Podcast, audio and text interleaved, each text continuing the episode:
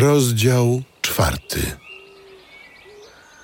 Anioł, który mówił do mnie, zbudził mnie znowu, jak budzi się kogoś śpiącego i zapytał mnie.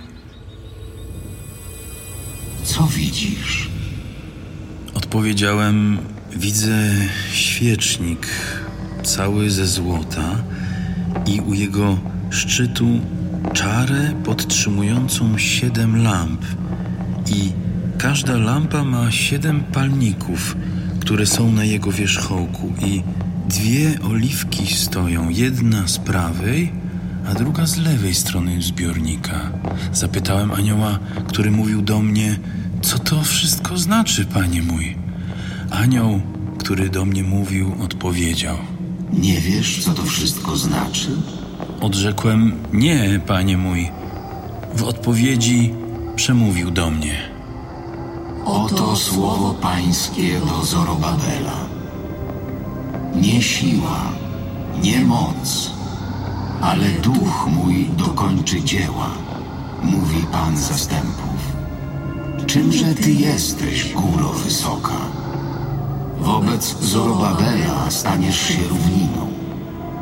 On zwieńczy kamień szczytowy wśród radosnych okrzyków. Dzięki, dzięki za nią. Potem Pan skierował do mnie to słowo. Ręce Zorobabela położyły fundamenty tego domu i jego ręce go dokończą. Po tym poznasz, że Pan zastępów posłał mnie do was. Bo któż by lekceważył chwilę skromnego początku, skoro z radością patrzą na pion ołowiany w ręku Zorobabela? Te siedem lamp to oczy Pana, które przypatrują się całej ziemi. I zwróciłem się do niego z takim zapytaniem: Co oznaczają te dwie oliwki z prawej i z lewej strony świecznika?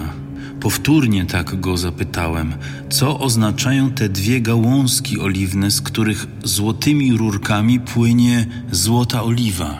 Nie wiesz, co one oznaczają? Odrzekłem: Nie, panie mój. I wyjaśnił. To są dwaj pomazańcy, którzy stoją przed Panem całego świata.